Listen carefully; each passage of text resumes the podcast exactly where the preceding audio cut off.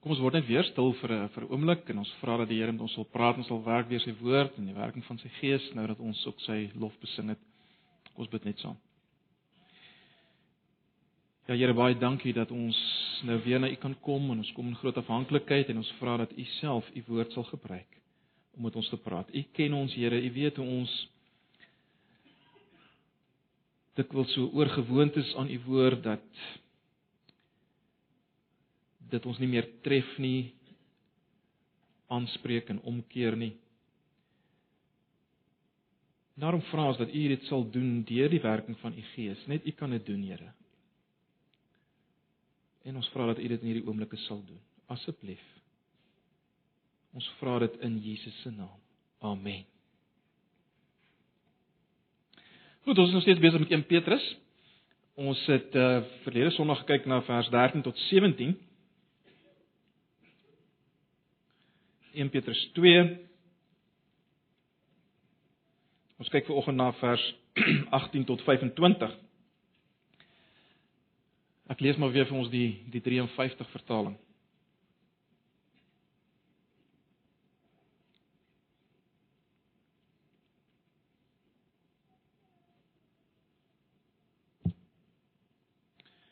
In Petrus 2 vanaf vers 18: Diensknegte, wees julle Here onderdanig met alle vrees, nie alleen aan die wat goed en vriendelik is, maar ook aan die wat verkeerd is. Want dit is genade as iemand ter wille van die gewete voor God leed verdra deur on, onregverdig te ly. Want watter roem is daar as jy verdra wanneer jy sonde doen en geslaan word, maar as jy verdra wanneer jy goed doen en ly, dit is genade by God. Want hiertoe is julle geroep omdat Christus ook vir julle gelei het en julle 'n voorbeeld nagelaat het sodat julle sy voetstappe kan navolg. Hy wat geen sonde gedoen het nie, in wie se mond geen bedrog gevind is nie. Wat toe hy uitgeskel is, nie terug uitgeskel het nie, toe hy gelei het, nie gedreig het nie, maar dit oorgegee het aan hom wat regverdig oordeel, wat self ons sonde in sy liggaam op die kruishout gedra het, sodat ons die sonde kan afsterwe en vir die geregtigheid lewe deur wie se wonde jy genees is. Want jy was soos dwaalende skape, maar nou het jy teruggekeer na die herder en opsiener van julle siele.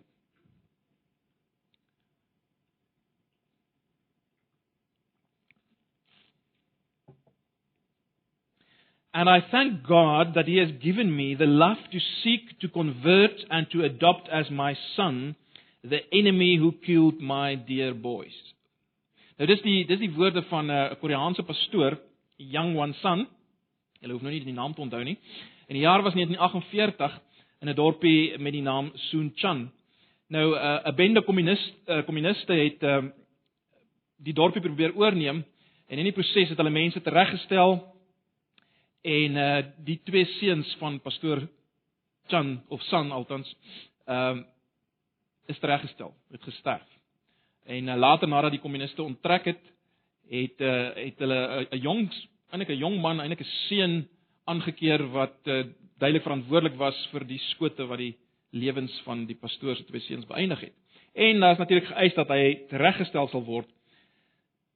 Maar die pastoor het ingegryp en gepleit dat hy nie reggestel sal word nie en uiteindelik om 'n lang storie kort te maak, het hy hierdie seun aangeneem as sy seun die seun wat sy twee seuns geskiet het, het hy aangeneem uh en uiteindelik het hierdie seun uh, tot geloof in Here Jesus gekom.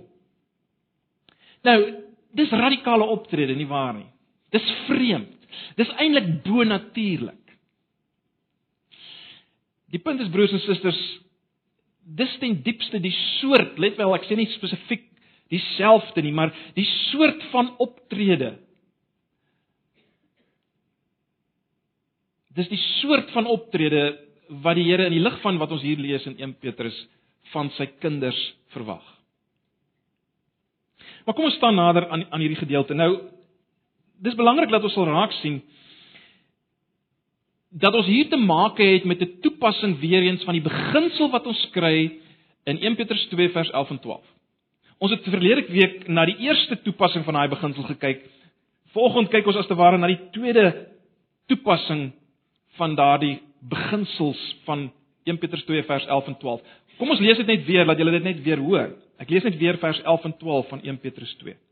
Geliefdes, ek vermaan julle as bywoners en vreemdelinge om julle te onthou van vleeslike begeertes wat stryd voer teen die siel en hou julle lewenswandel onder die heidene skoon sodat as hulle van julle kwaad spreek soos van kwaaddoeners hulle op grond van die goeie werke wat hulle aanskou God kan verheerlik in die dag van besoeking.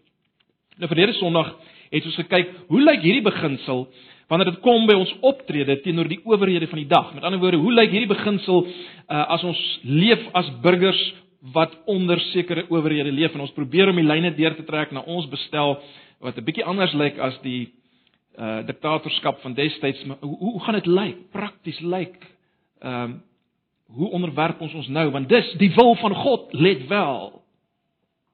Dis die wil van God. As ons wil vra oor die wil van God. Vanoggend kyk ons nou na 'n tweede situasie waar hierdie beginsel toegepas word. Dit is baie duidelik dat diensknegte nou mens sou die woord ook met slawe kon vertaal. Uh ek hoop ek gaan kan aandui dat die die woord uh bediendes ek dink die 83 wel my weergawe van die 83 hier voor my ge, gebruik die woord bediendes. Ek hoop ek gaan aandui dat dit miskien nie heeltemal heeltemal korrek is nie, maar hoe dit ook al sê, die punt is hierdie beginsel moet nou deur slawe, diensknegte net soos jy dit wil vertaal, toegepas word op hulle situasie. Petrus vermaan hulle om gehoorsame werkers te wees met respek vir die ouens wat oor hulle is. Dis die die woord vrees kan ons met respek hier vertaal. En dit moet hulle wees selfs al sou hulle werkgewers verkeerd wees. Vrede despote wees as jy wil. Selfs dan moet hulle dit wees. Met ander woorde, so sou hulle vlug vir begeertes van die vlees lyk en so sou hulle skoonhou van hulle lewe lyk. Hulle hulle lewe na buite toe lyk. So sou dit lyk binne hulle situasie as diensknegte slawe. Met ander woorde, hulle moet geen geleentheid gee vir rebellie van hulle kant nie en en hulle versoeking of laat ek so sê die versoeking om as vry mense, mense wat vrygemaak is deur Jesus, hulle versoeking om om in sulke rebellie te kom, uh moet teengestaan word. Daar moet geen geleentheid daarvoor gebied word nie, want dit sou uiteindelik negatief wees vir hulle lewe as Christene binne hierdie bestel. Dit sou negatiewe invloed daarop gehad het en hulle sou nie ander kon bereik met die evangelie soos hulle wou bereik nie en so meer. Maar goed. Kom ons kyk net hoe hierdie gedeelte mekaar sit, net 'n 'n paar opskrifte waaronder ons hierdie gedeelte kan uh kan benader. In die eerste plek kry ons 'n vermaaning in vers 18 tot onderwerping. Ons gaan daarna kyk. Dan kry ons 'n stelling in verband met die motivering om dit te doen. Wat is hulle motivering om dit te doen? En dis in vers 19 tot 20. En uh, onder hierdie motivering lê daar 'n fondasie van alles. Hulle lê 'n fondasie onder dit alles en dis wat ons kry in vers 21 tot 25. So daar's die vermaning tot onderwerping. Daar's 'n stelling in verband met die motivering en dan's daar 'n fondasie onder dit alles wat ons kry in vers 21 tot 25.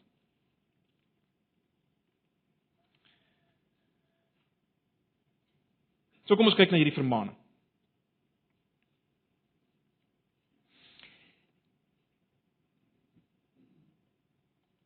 dis 'n vermaaning sê ek soos ek nou net gesê het vir slawe of diensknegte om hulle te onderwerp aan hulle meesters selfs al sou hierdie meesters hierdie ouens wat oor hulle aangestel is of oor hulle staan wreed al sou hulle wreed wees en uh verkeerd wees in wat hulle doen en en en is logies natuurlik dat dat dit nie eers nodig is om 'n vermaaning tot te gee as as die as die meesters goed is en wonderlik en liefdevol is en billik is en vrygewig is.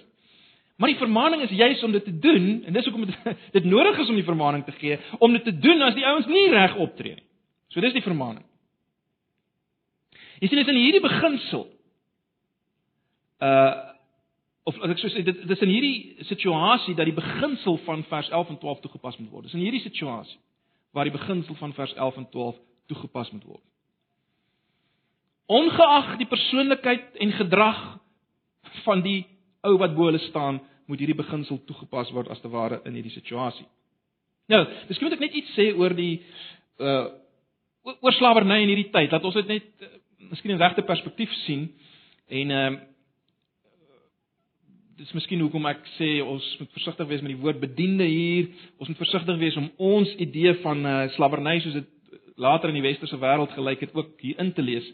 Ehm um, so, so ek wil net 'n paar opmerkings maak oor oor slawerny in hierdie tyd. Dit was 'n baie diverse instelling uh, in die antieke wêreld. Dit het verskil van kultuur tot kultuur.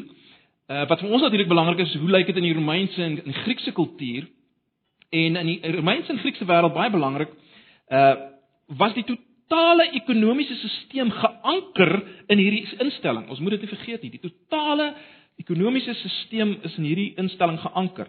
Sommige ouens meen 1/3 van die bevolking uh was slawe.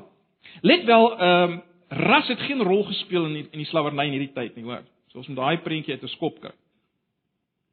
Verder meer was slawerny in die Romeinse tyd eintlik 'n tydelike uh 'n tydelike toestand. Jy jy jy het eintlik altyd beweeg op pad na na jou vryheid toe en gewoonlik op 30 jaar kon jy eintlik wetlik uh uh loskom van die slawerny, uit die slawerny uitkom. Dis ook so dat uh baie ouens wat nie Romeinse burgers was nie, het gekies om slawe te word onder die Romeinse bestel, want deur goeie gedrag kon jy uiteindelik 'n Romeinse burger word. Jou vryheid kry in 'n Romeinse burger word. Terloops, dis dit is heel moontlik dat een van die redes waarom Petrus en ook Paulus oproep tot goeie gedrag vir die vir die slawe was juis hierdie feit dat hulle uiteindelik hulle vryheid kon kry. So ons moet dit onthou. Jou status het ook verskil afhangende van wie jou jou baas was. So as jy eh, 'n uh, slaaf was van 'n baie magtige ou, dan jouself 'n bietjie meer uh, aansien gehad, jy daarin gedeel. So ons moet onthou slawerny was soms selfs 'n uh, 'n begeerlike opsie as ek dit so kan stel. Terloops die woord wat hier vertaal word met uh dienskneg in die in die 53 uh, vertaling uh of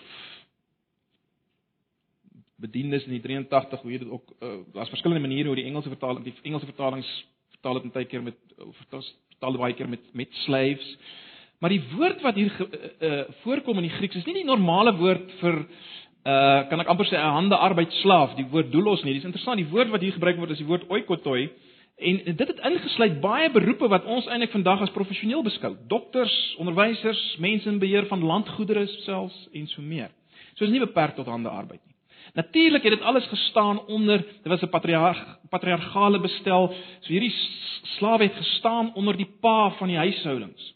En natuurlik hierdie ouens, hierdie hierdie mans van die huishoudings, hierdie paas was nie altyd regverdig nie en het baie keer die hierdie slawe hierdie ouens wat hulle vir hulle gewerk het mishandel ehm um, op allerlei maniere.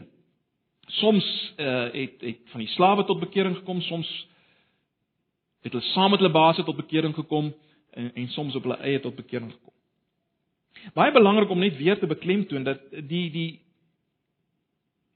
die basis van die hele uh Romeinse ekonomie of die hele Romeinse ekonomie was gebou op op op op slawerny as ek dit so kan stel. En daarom as Christene hierdie instelling sou teenstaan, dan sou hulle geweldige uh onderdrukking beleef het.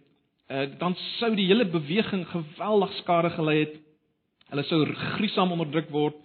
Ehm uh, en daarom boonbehalwe vir dit waarna ons nou gaan kyk, Dit was belangrik vir die oorlewing van Christendom in 'n sekere sin dat daar onderwerping sou wees aan die ouens wat bole was. Hulle hulle baase as jy as jy wil. Maar meer belangrik as dit, Petrus wil hê dat die Christen slawe gemeenskap, as ek as ek dit so kan stel, dat hulle 'n gedrag moet openbaar wat wat bo die norm van die dag uitstyg, nê, nee, wat totaal anders is.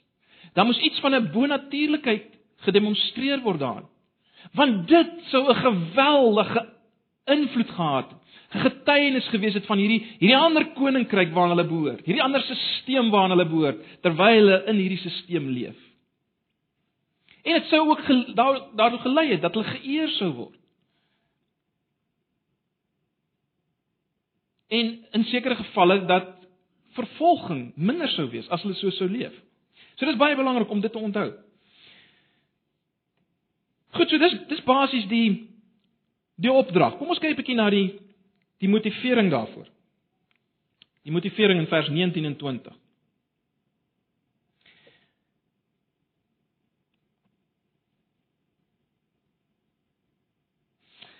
Petrus sê want dit is genade as iemand ter wille van die gewete voor God leed verdra deur onregverdig te ly. Want watter roem is daar as jy verdra wanneer jy sonde doen en geslaan word, maar as jy verdra wanneer jy goed doen, dit is genade by God. Nou, ek wil net ietsie uh, opmerking maak hier oor die vertaling. Uh, beide Afrikaanse vertalings uh gebruik hierdie frase of vertaal die frase dit is genade by God. Maar dit is bietjie problematies. Uh die NIV, uh, die van julle wat die NIV het sal sien, dit word vertaal met it is commendable before God. So daai frase dit is genade of dit is genade by God word vertaal in die NIV met it is commendable before God. En ek dink hulle is meer op die spoor van van van die van die gedagte hier. Kyk, mense sou die Grieks letterlik korrek kon vertaal as volg in Afrikaans. Dit verdien genade by God. Hierdie gedrag verdien genade by God. Dit verdien genade by God. Nou, onmiddellik kan jy hoor hoekom die vertalers ook 'n bietjie daarvan weggeskram het want uh, dit klink nie lekker nie, nê? Nee. Dit klink of of onverdiende lyding nou verdienste kry by God. Dit verdien genade by God.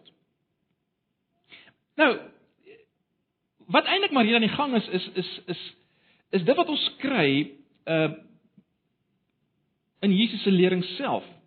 Dis in ooreenstemming wat ons hier kry, is in ooreenstemming wat Jesus met met wat Jesus byvoorbeeld in Lukas 6 vers 32 tot 36 leer. En onthou nou Petrus was iemand wat saam met Jesus gestap het. Hy het gehoor wat Jesus gesê het. En Jesus het daar in in uh Lukas 6 vers 32 tot 36 gesê dat kyk dit help niks as jy net goed doen aan die ouens wat goed doen aan julle nie.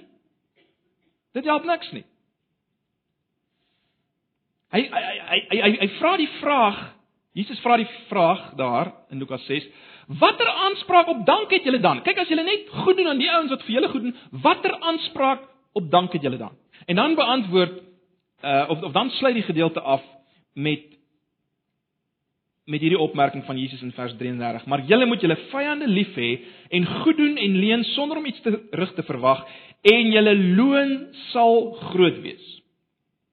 Nou dis die gedagte agter dit wat Petrus hier hier sê. Met ander woorde, die punt is dit. Die punt is dit wat God behaag, wat commendable vir hom is, wat hy beloon is as jy ly vir dit wat goed is. Dis wat God beloon. Dis die gedagte. God is nie gelukkig as sy mense ly omdat hulle rebelle is nie. Omdat hulle sommer net teen alles is nie. Omdat hulle dwars is nie in die naam van Christen wees.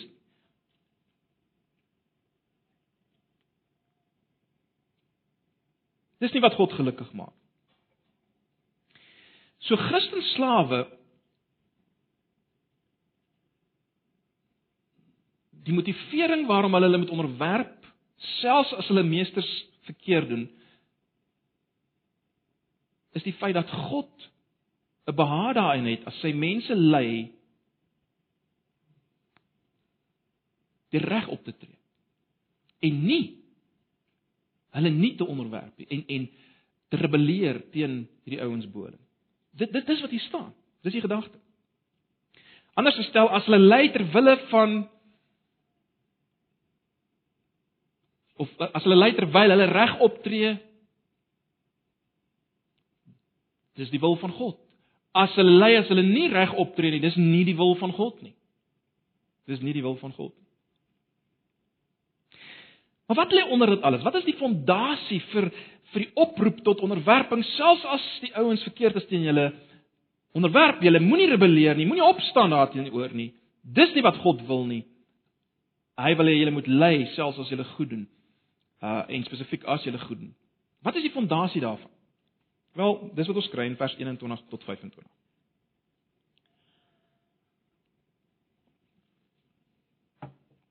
Die eerste ding wat jy moet oplet in vers 21 wat Petrus praat van 'n roeping. Hy sê want hiertoe is jy geroep. Dis geweldig belangrik. Belangrik. Hiertoe is jy geroep. Met ander woorde, dis wat jy moet doen as Christene. Alle Christene is hierby ingesluit by hierdie roeping. Die roeping tot onregverdig lei as jy goeie dinge doen ter wille van die gewete en die ouens uh, tree op teenoor julle onregverdige. Maar julle tree op met 'n skoon gewete voor God.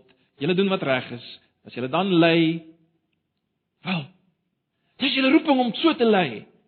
As julle doen wat goed is. En dan word onregverdig teen julle opgetree. Dis julle roeping. Dis waarvoor julle geroep is. Let wel, dis nie net julle lot nie. Dis julle roeping. Met ander woorde, dis nie net 'n geval van byt maar vas. Dis nou maar die gebroke ou wêreld waarin jy is nie. Dis julle roeping as Christene.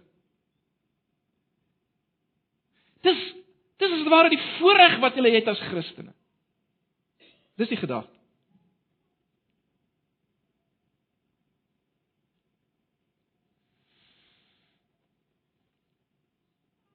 Dis julle roeping want Christus het vir julle gelei en julle moet sy voorbeeld navolg sê Petrus. Wat bedoel hy met julle moet sy voorbeeld navolg?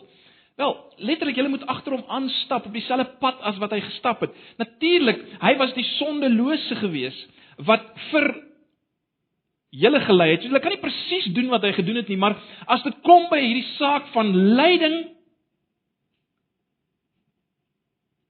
al was hy onskuldig lyding al het hy gedoen wat goed is. As dit kom by daardie saak, moet jy sy voetstappe navolg.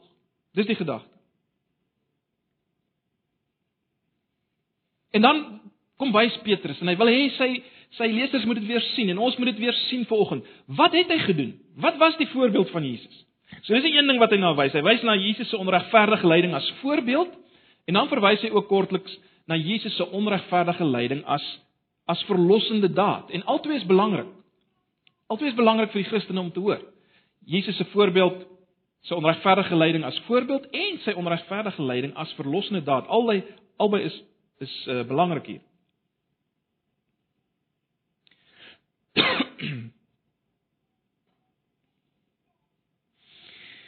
So kom ons dink 'n bietjie oor Jesus se lyding as voorbeeld. 'n Mens kan nie anders as om te dink dat Petrus as hy nou hier in vers 23 praat van vers 22 en 23 In wie se mond geen bedrog gevind is nie. Wat vers 23 toe hy uitgeskel is, nie terug uitgeskel het nie, toe hy gelei het, nie gedreig het nie, maar het oorgegee het aan hom wat regverdig oordeel. Mense kan nie anders as om dink dat Petrus uh hier verwys na dit wat in sy lewe waarskynlik die grootste indruk op hom gemaak het. Van alles wat Jesus deurgegaan het van deur sy lewe tot by Golgotha. Wat het die grootste indruk gemaak op Petrus? As mens nou as mens bietjie daaraan moet dink, wat sou die grootste indruk gemaak het op Petrus? Die diepste ingegrafieer gewees het in Petrus se geheue. Wel, sekerlik. Daardie daardie ure toe Jesus gespot is, geskel is, gedreig is in die saal van die hoofpriester terwyl hy wat Petrus is homself warm gemaak het by die vuur en ontken het dat hy Jesus se navolger se volg se navolger is. Dis wat Dis wat waarskynlik in Petrus se kop sou wees. Jy sien dit was baie na aan sy lyf. Dit was baie na aan sy lyf. Wat was die pad wat Jesus geloop het? Wel, dit was die pad van gehoorsaamheid, sagmoedige gehoorsaamheid aan die wil van God. Dieselfde waartoe ons opgeroep word.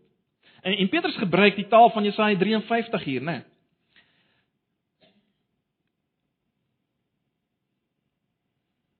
As jy uh, Jesaja 53 gaan lees, dan word daar geskryf van Jesus wat soos 'n lam na die slagpaal gegaan het. Hy het geen bedrog gehad nie en was ter wille van die sonde van ander. Gaan lees Jesaja 53 en dan sien jy waar kry Paulus ag uh, Petrus uh, waar kry hy dit vandaan? Die groot ding wat hier uitstaan is dat Jesus se gehoorsaamheid, let wel, Jesus se sagmoedige gehoorsaamheid aan die wil van God kom veral hier te voorskyn in sy stilbly En dit maak baie sin aan as dink aan 'n hele konteks. Die begeerte wat ons het om op te staan en ons sê te sê as ons onregverdig ly. Die groot ding wat Petrus hier uit, uitlig is Jesus se stil bly terwyl hy onregverdig en let wel. Hy is baie meer onregverdig aangekla as ek en jy ooit onregverdig aangekla kan word want hy was die volkomme sondelose. So dis belangrik om dit ook net so in die agterkop te onthou. Hy is volkomme in sy mond is geen bedrog ooit gevind nie. En Petrus lig dit hier uit. Sy mond is geen bedrog gevind nie. Hy het nooit iets gesê waaroor hy sleg of te gevoel het nie. En tog het hy stil gebly toe hy aangekla is veral hierdie eh, aangekla is vir al die dinge waarvoor hy aangekla is, godslastering en so ensovoorts. Jesus antwoord aan die kruis niks op die bespotting van sy vyande nie. Hy antwoord nie op die skimpskote van die moordenaar wat langs hom gehang het nie. Hy antwoord nie daarop nie.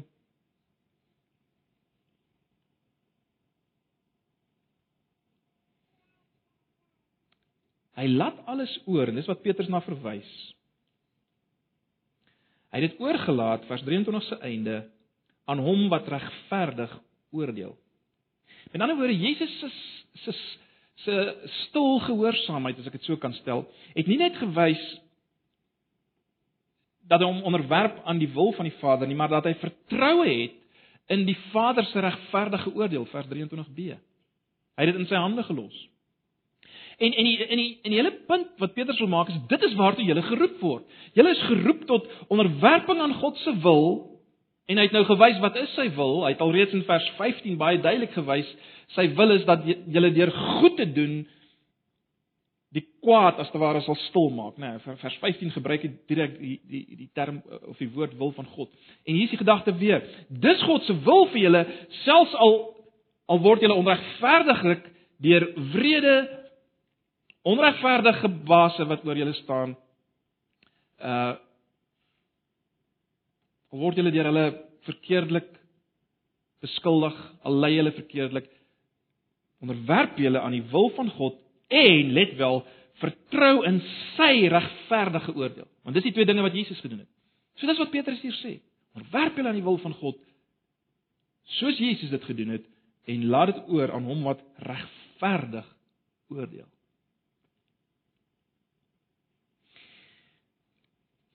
Maar Petrus wys ook op Jesus se lyding as verlossende daad. En ek wil nie lank daarop ingaan nie. Ek kan nou baie hieroor praat, maar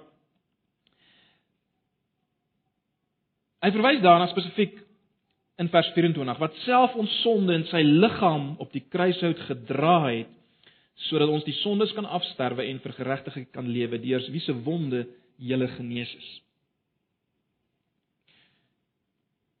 Dit is 'n geweldige stuk waarheid wat wat Petrus hier uitlig uitlig dis dit is, is in 'n sin heilige grond waarop ons hier staan. Dit is belangrik om te verstaan dat die agtergrond natuurlik van beide dit wat Petrus sê en en dit wat uit Jesaja uitkom, die agtergrond is natuurlik die die gebruik uh in Israel, uh die gebruik as dit kom by die offerhande, die gebruik van die oordra van sonde uh op 'n die dier. Sonde is gesien om dit anders te stel of sonde is uitgebeeld as 'n las wat geplaas kan word op 'n offerdier. Sonde is 'n las wat geplaas kan word op 'n offerdier deur 'n simbolisme waar die die priester se hande op die dier lê. Dis eintlik meer as jou sonde wat oorgedra word, dis eintlik jy wat jouself oordra op die dier. Dis die gedagte hier agter, want gewoonlik het hierdie is hierdie offers gebring vir sonde wat die doodstraf verdien. Nou in Levitikus 16, as mens kyk na die sogenaamde groot versoeningsdag, was daar 'n sogenaamde sondebok. En en die sondebok was eintlik twee bokke. Die een bok nadat die sonde oorgeplaas is simbolies die sonde van die volk die volk oorgeplaas is as te ware op hierdie bok, is hierdie bok uitgedryf in die woestyn. En die ander bok is natuurlik geslag en sy bloed het gevloei. Maar dis waar die dis die agtergrond daar. Dis die agtergrond daar. Sonde is oorgeplaas op hierdie bok. Die een is weggestuur, die las is weggedra. En die ander een is die dier het gesterf. Die dier het gesterf. En die feit dat die dier sterf en die volk nie vernietig word nie, of jy wat die offer bring nie vernietig word nie. Dit was 'n aanduiding daarvan dat God het die oordrag aanvaar. Hy het aanvaar dat hierdie sonde is oorgedra op hierdie dier. Daarom sterf die dier en jy gaan vry, die volk gaan vry, hulle kan bly leef. God het die oordrag aanvaar. Toe God se heiligheid in aanraking kom met die onheiligheid, die sonde, toe vind daar 'n dood plaas. En dit word afgebeeld deur die offerdier wat geslag word in die plek van die vir wie dit gebring word. En dis die gedagte, dis die agtergrond hier.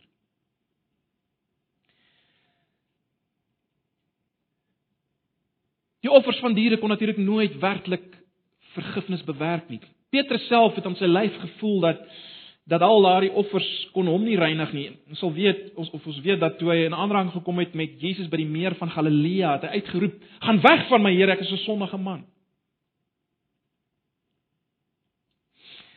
Petrus het ook geweet wat gebeur het op Golgotha toe. Jesus uitgeroep het Eli Eli lama sabachthani my God my God waarom het U my verlaat? Die antwoord die implisiete antwoord daarop is dit. Ek het die sonde van die wêreld op jou geplaas daarom het ek jou verlaat. Jy word as te ware weggestuur soos daardie sondebok in die wildernis van my aangesig af. Dis wat Jesus gedoen het. En baie belangrik Petrus verwys na die feit dat hy het ons sondes in sy liggaam, in sy liggaam gedra. Natuurlik, die die die hoëpriesters, die offers wat die priesters en die hoëpriesters gebring het, was 'n ander dier. Die offermes het ingegaan in 'n ander dier en die bloed wat gevloei het wat geloop het was die bloed van hierdie offerdier. Maar Jesus Laat as te ware die mes deur homself gaan, die bloed wat vloei en oor hom loop, is sy eie bloed. Dis sy eie bloed.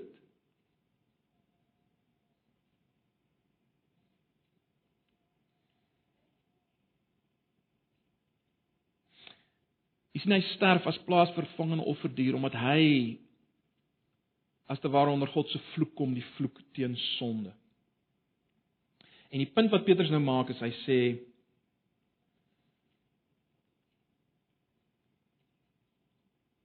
hierdie dit wat Jesus gedoen het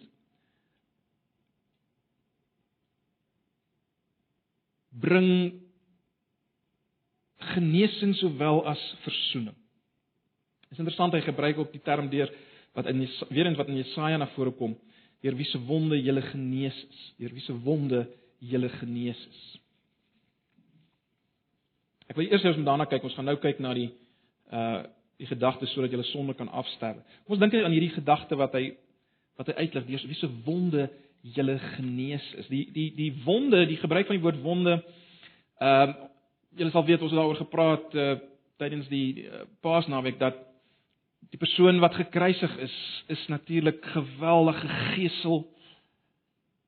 Hy sweep met die loodstukkies en die stukkies bene in en die persoon het geweldige wonde opgedoen boonbehalwe die wonde aan die kruis.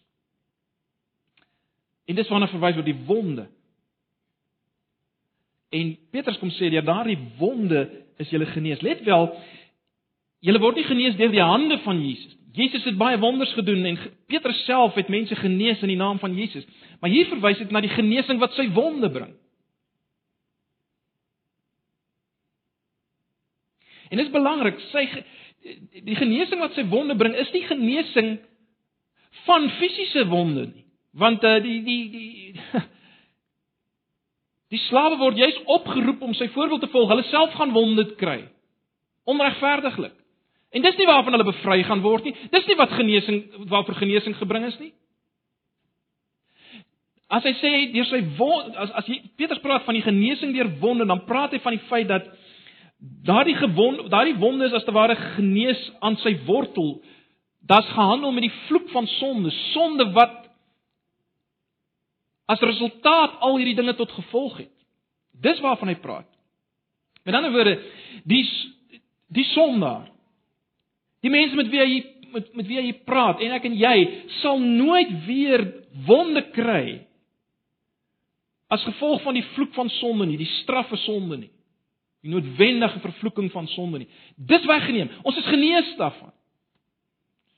En dit dit wat Jesus daar gedoen het, transformeer ook ons wonde, ons swaar kry, ons lyding. Want ons weet dis nie meer dis nie meer die ding wat die finale sê het nie. Nee, dit verander dit. Daar's hierdie die wonde van Jesus bring daardie genesing en dit wat nou oorbly vir die Christen is nie meer straf vir sonde nie. Wat oorbly is navolging van Jesus die stap in sy voetstappe.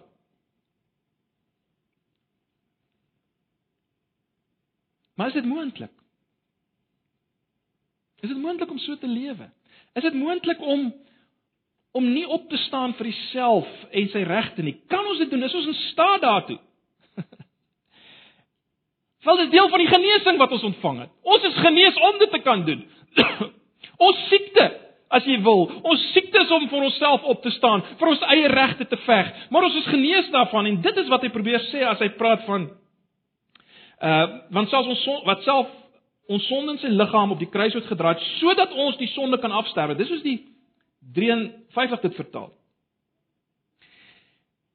Ek dink hier het die 83 vertaling dit meer korrek vertaal toe hy gesê het daardeur is ons vir die sonde dood en kan ons lewe in gehoorsaamheid aan die wil van God. Jy sien dit is nie net 'n moontlikheid nie. Die die 53 vertaling vertaal dit so asof dit net 'n moontlikheid is. Ons kan nou ons kan nou die sonde afsterwe. Die 83 vertaling bring meer die gedagte uit wel daai het iets gebeur deur deur dit wat Jesus gedoen het. Daar is genesing gebring deur sy wonde. En wat is dit? Ons is vir die sonde dood en ons kan lewe in gehoorsaamheid aan die wil van God. Die wil van God wat in hierdie geval is om te lei, jou te onderwerp aan die ouens oor jou selfs al sou jy onregverdig ly. Dis moontlik, dis dit het gebeur. Jy sien waarvan Petrus hier praat is waarskynlik die maar dieselfde beginsel as wat ons gekry het in Romeine 6. Dat ons mens, ou mens wat ons was, die mens onder sonde, die mens wat veg vir sy eie regte, daardie ou mens het gesterf toe Jesus gesterf het. 'n Nuwe mens het opgestaan. Onthou julle dit, Romeine 6. En daarom kan ons nou nee sê vir die sonde. Die begeerte om om vir ons eie regte te veg en so meer. Ons kan nee sê vir dit. Ons is oorgebring as jy wil die beeld wil gebruik na 'n nuwe kamp. Ons kan ons kan hier in die nuwe kamp wy. Ons hoef nie ons hoef nie weer ander kant te gaan wy nie. Ons hoef nie, ons is vry, ons is oorgebring. Ons is soos Paulus in Romeine 6 dit stel, ons is dood vir die sonde. In Christus, in Jesus uit God se perspektief. Ag broers en susters, dis die genesing wat gebring is. Deur sy wonde daar genesing gekom en daarom transformeer dit ons gedrag. Ons kan nou anders lewe. Ons moet in die lig daarvan ons moet dit bedink en anders lewe. Dis die gedagte hier. Ag, maar miskien sê jy op hierdie punt, ja, ek ek glo dit, maar ek sukkel om nie maar weer in die kamp van sonde te gaan wy om die om die beeld te gebruik nie. Ek ek ek het hulp nodig. Wel Vers 25 gee die hulp, né? Nee. Want julle was soos dwaalende skape, maar nou het julle teruggekeer na die herder en opsiener van julle siele. Jy sien Jesus het nie net dit gedoen wat ons nou gesien het nie. Hy is ook nog steeds ons herder. Ag, broers en susters, en daarom onthou dit. Hy is nog steeds ons herder en opsiener. Dink aan Psalm 23. Dink aan die herder wat heeldag sit. Al wat die herder doen is om die skape dop te hou en hulle terug te bring as hulle wil afdwaal, hulle te beskerm van aan. Dis al wat hy doen. Dit is waar oor dis dis waarvoor sy dis waaroor sy hele lewe gaan, 'n herder. En dis die gedagte. Jesus los ons nie net in hierdie situasies waarin ons osself bevind nie. En sê, "Oké. Okay, is alles vir julle gedoen so." Nee, hy's ook ons herder. Dag vir dag. Kom ons vat dit. Kom ons vat dit. Maar kom ons bring alles bietjie nader aan ons lyf net ten slotte.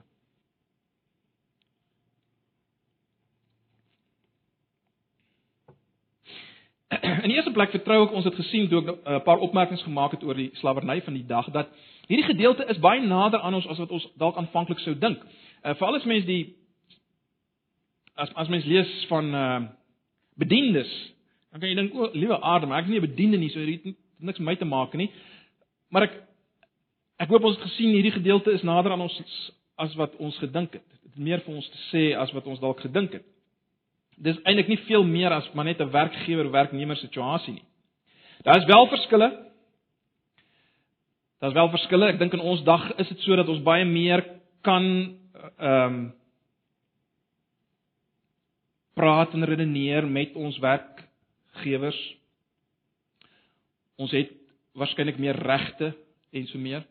En dis binne daardie raamwerk en ek gaan nou iets sê oor daardie raamwerk. Dis binne hierdie raamwerk waar ons die voorbeeld van Jesus moet volg, né? Nee, dis binne ons raamwerk wat ons die voorbeeld van Jesus moet volg, waar ons moet gedryf word deur wat hy gedoen het en waar ons moet bewus wees van die Herder wat by ons is. Binne ons raamwerk hier in die 21ste eeu. 'n Eerste ding wat ons moet verstaan is dat of laat ek so dit so stel. Ek en jy moet eerstens ook onsself uh herinner aan die feit dat dat hierdie onderwerping waarvan ons praat is deel van die vlug van die begeertes wat stryd voer teen die innerlike mens, teen ons siel. En dit het te maak met hierdie na buite lewe op 'n manier wat aantreklik is en en en iets van die Here wys en so meer. Met ander woorde vir ons beteken dit ek moet nee sê vir die begeerte om myself voorop te stel. Ek moet nee sê vir die begeerte om te skinder oor die ou wat bo my aangestel is. Ek moet nee sê om kwaad te praat van my werkgewer en slegte dinge van hom te sê. Ek moet nee sê daarvoor want dit is deel van my van die stryd of dit is deel van my veg teen die begeertes wat stryd voer teen my nuwe mens, né? Nee. Dis onthou ons gesê daai begeertes het te doen met baie meer as seksuele goed. Dit ook. Ons dis die eerste ding as ons as ons hierdie gedeelte wil toepas. Onthou dit.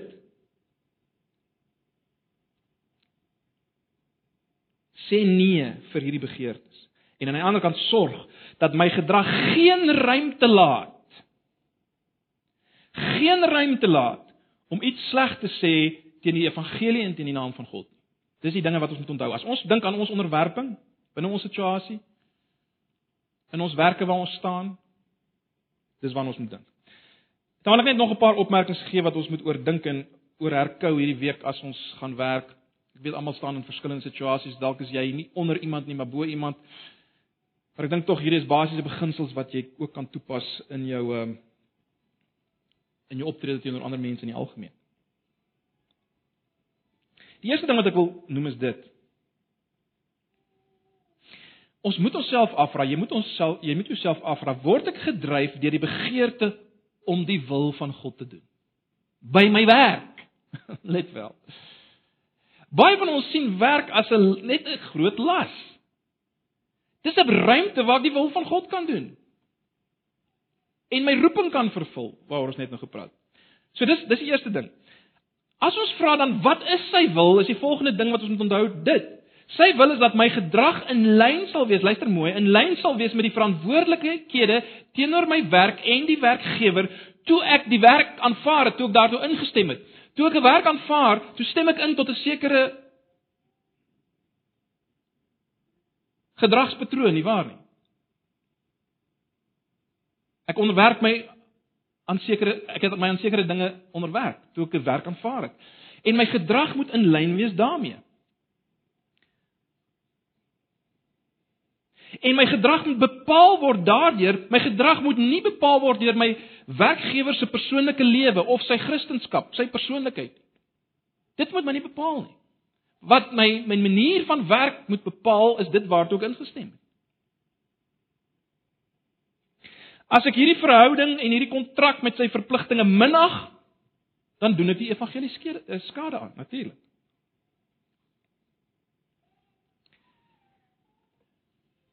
Maar dit alles gesê, is dit sodat ek en, en dis dis die punt hier in Petrus, né? Nee, dat ek kan lei onregverdiglik kan lei. Ek en jy sal dalk nooit die leiding deurgaan van pastoor San waarmee ek begin het nie. Maar ons leiding kan allerlei vorme aanneem, nie waar nie? Daar kan agter die hand gepraat word oor my by die werk. Ehm uh, Ek kan dalk 'n gesprek voer met my werkgewer oor die feit dat ek nie heeltemal bereid is om uh op Sondag te werk nie. Oop gesprek daaroor voer en as gevolg daarvan uh word ek stief behandel.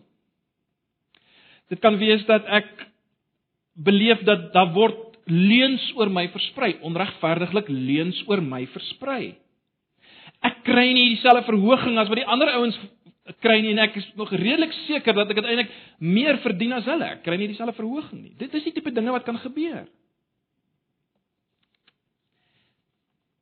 En die punt nou hier is as dit gebeur, onthou jou roeping. As dit gebeur, onthou jou roeping. Ek sê nie dis maklik nie. Maar dis die punt van hierdie gedeelte. Onthou jou roeping. Dis deel van jou werk vir die Here. As hierdie dinge gebeur, moet jy innerlik vlug vir die begeerte om terug te veg op 'n nie Christelike manier nie. En is in hierdie situasies wat jy moet soos Jesus dit oorgie aan hom wat regverdiglik oordeel en nie terug uitskel nie. Dink aan Jesus, dink aan Jesus, dink aan Jesus aan die kruis. Jesus in sy verhoor, dink daaraan. En ag weer eens.